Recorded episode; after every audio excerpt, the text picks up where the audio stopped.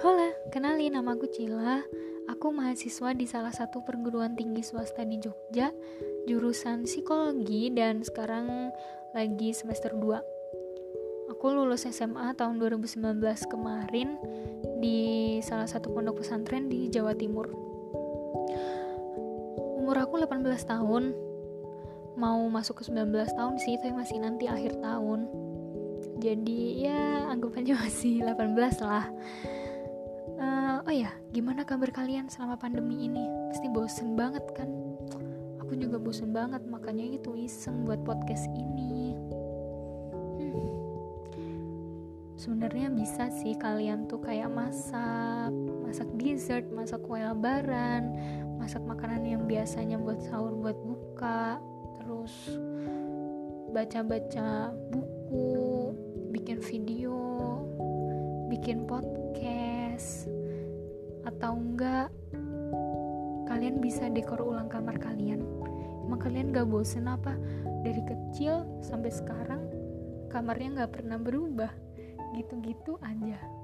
Coba deh dekor ulang cari referensi di Pinterest gitu. Itu pada estetik tahu hmm, apa kabar nih jam tidur? Pasti berantakan banget kan yang biasanya dulu siang kegiatan malam tidur sekarang jadi siang tidur malam kegiatan. Pokoknya kayak kelelawar gitu deh. Tapi nggak tahu juga sih kalian malam tuh kegiatan beneran atau cuman main HP buka tutup Twitter Instagram WhatsApp? Kayak ada yang ngechat aja sih. Ya semangat ya buat kalian yang jomblo dan single karena aku juga single kok. Nikmatin aja dulu masa muda. Banyakin temen Oke. Okay? Oh ya, uh, Ramadan tahun ini apa kabar ibadah kalian? Pasti kaget banget ya karena Ramadan tahun ini tuh kondisinya nggak kayak Ramadan tahun-tahun sebelumnya. Sebenarnya tuh kalau aku tahu Ramadan tahun ini bakalan kayak gini, pasti Ramadan tahun sebelumnya aku tuh bakal semangat banget pergi ke masjid, sholat tarawih di masjid setiap hari, habis itu tadarus sama temen-temen. Hmm, tahun ini sayangnya gak bisa ya.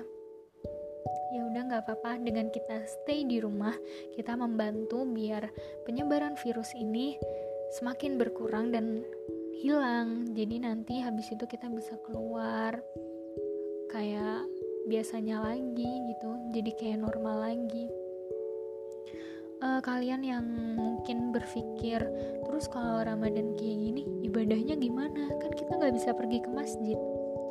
Kalian bisa kok beribadah di rumah contohnya sholat tarawih. Kalian gak bisa sholat tarawih di masjid kalian bisa loh ganti sholat tarawih di rumah. Sholat tarawih sendiri boleh sama keluarga kalian boleh sama teman kalian boleh. Karena sholat tarawih itu boleh dilakukan secara berjamaah maupun sendirian gitu sama buka puasa itu dapat pahala juga loh. Oh ya dan ini nih kesukaan kalian. Tidur karena tidurnya orang puasa itu berpahala. Sama kan kalau malam gitu kalian masih suka melek daripada nggak ngapa-ngapain kan? Daripada bosen main HP kalian bisa loh sholat tahajud sekalian doa sama Allah pas sepertiga malam. Karena doa di sepertiga malam itu mustajab. Jadi doanya tuh cepat dikabulkan gitu loh. Uh, selain itu kalian juga bisa baca Al-Quran karena setiap huruf di dalam Al-Quran yang kita baca itu akan itu kita akan mendapatkan satu kebaikan. Nah buat kalian yang belum lancar baca Al-Qurannya gak usah minder karena setiap kalian mengulangi bacaan yang salah itu kalian nanti dapat pahala lagi gitu. Semangat terus ya kalian selama pandemi ini. Gunakan waktu di rumah aja ini dengan sebaik mungkin untuk nambah wawasan atau untuk eh, hal-hal uh, produktif yang lain. Jangan sampai uh, waktu yang banyak ini itu terbuang sia-sia gitu. Sam jangan sampai juga kalian tuh mikir ya ampun aku nih orang yang gak berguna banget jangan sampai ya seenggaknya bantuin orang tua bersih-bersih rumah deh atau bercocok tanam boleh juga tuh. Oke okay, uh, eh, mungkin sekian perkenalan dari aku. Uh, belum tahu nih podcast podcastnya mau dikasih nama apa karena sebenarnya aku tuh bikin podcast ini sama teman aku. Tapi kata teman aku aku disuruh duluan aja. Ya udah deh. Oke okay, sekian dari aku. Bye. Have a good day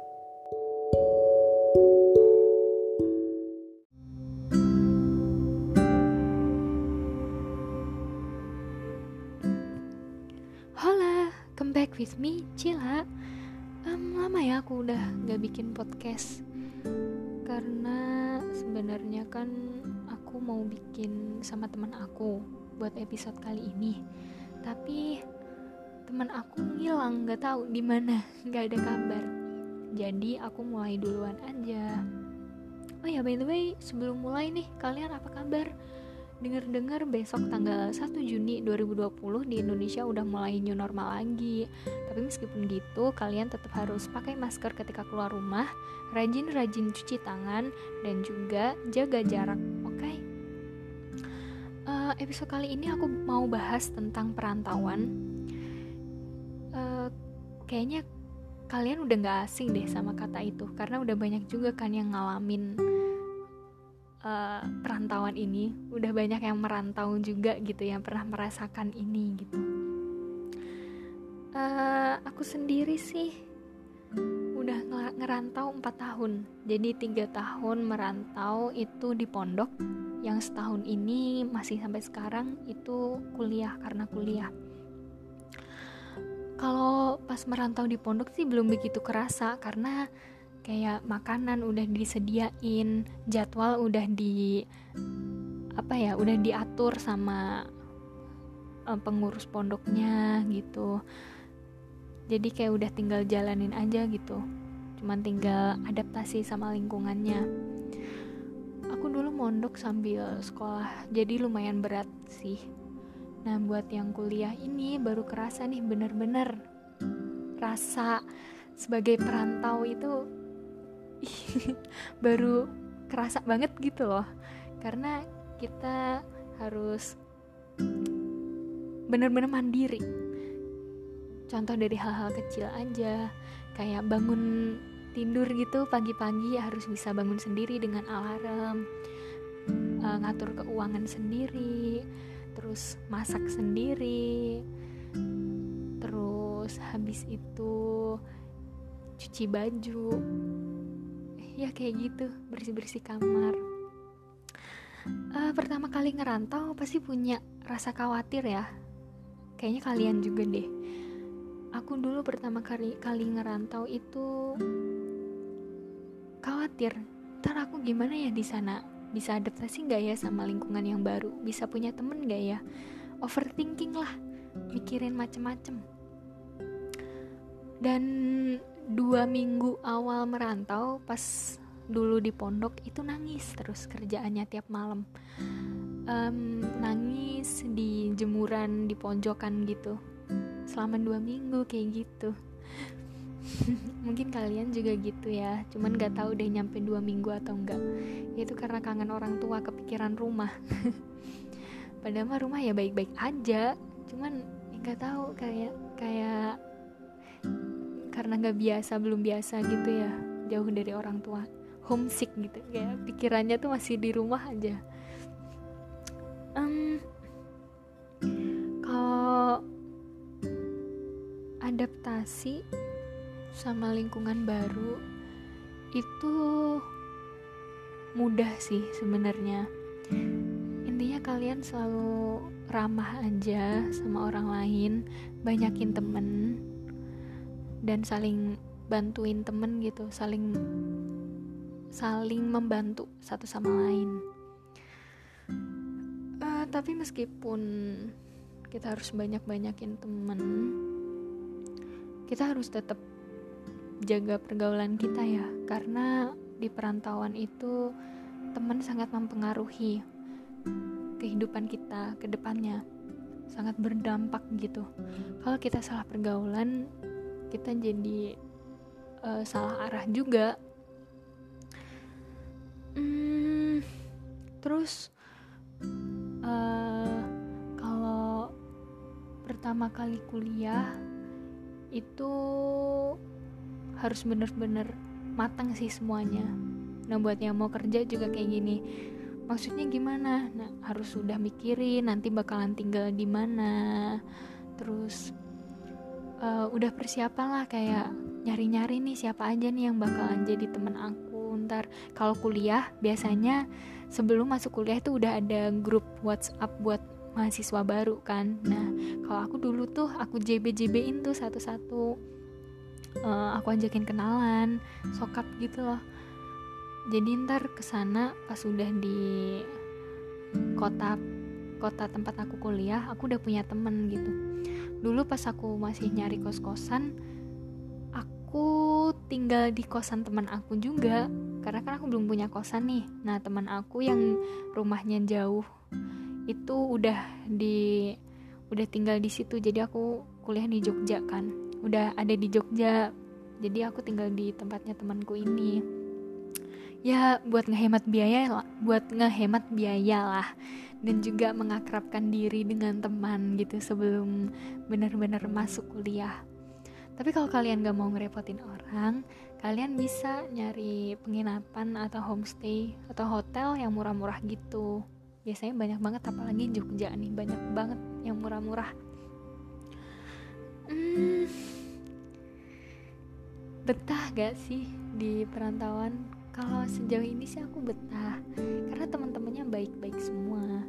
Ya teman baik itu tentu saja karena uh, kalian juga baik kita juga baik gitu. Karena gini uh, kenapa sih kita tuh harus baik sama semua orang? Eh ya sama teman-teman kita gitu. Ini agak keluar sih dari topik karena gini, kita belum tahu masa depan kita. Kita belum tahu siapa orang yang bakalan kita butuhin di masa depan kita nanti. Jadi, kita harus baik sama semua orang.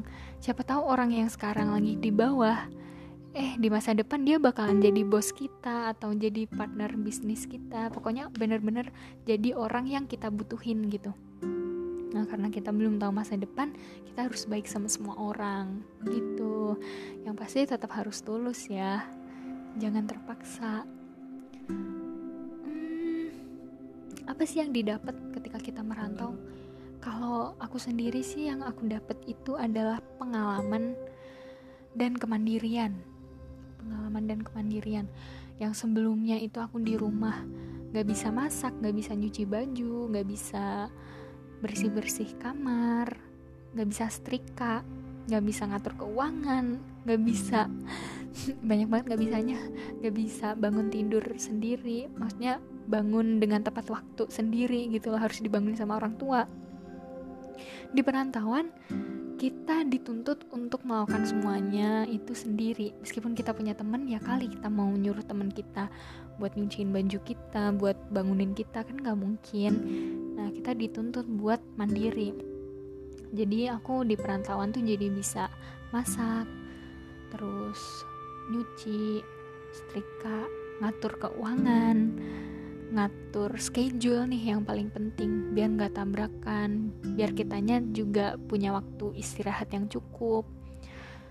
Terus sama uh, bersih-bersih kamar. Karena kalau dari aku sendiri ketika kamar kita tuh kotor berantakan itu kitanya jadi males gitu buat ngelakuin sesuatu buat ngerjain tugas. Karena ya apa sih berantakan banget? Jadi males ngapa-ngapain mager gitu. Tapi kalau kamar kita bersih kita jadi kayak semangat aja gitu. Kalau aku sendiri sih gitu. Jadi um, benar-benar harus kamar tuh selalu rapi gitu.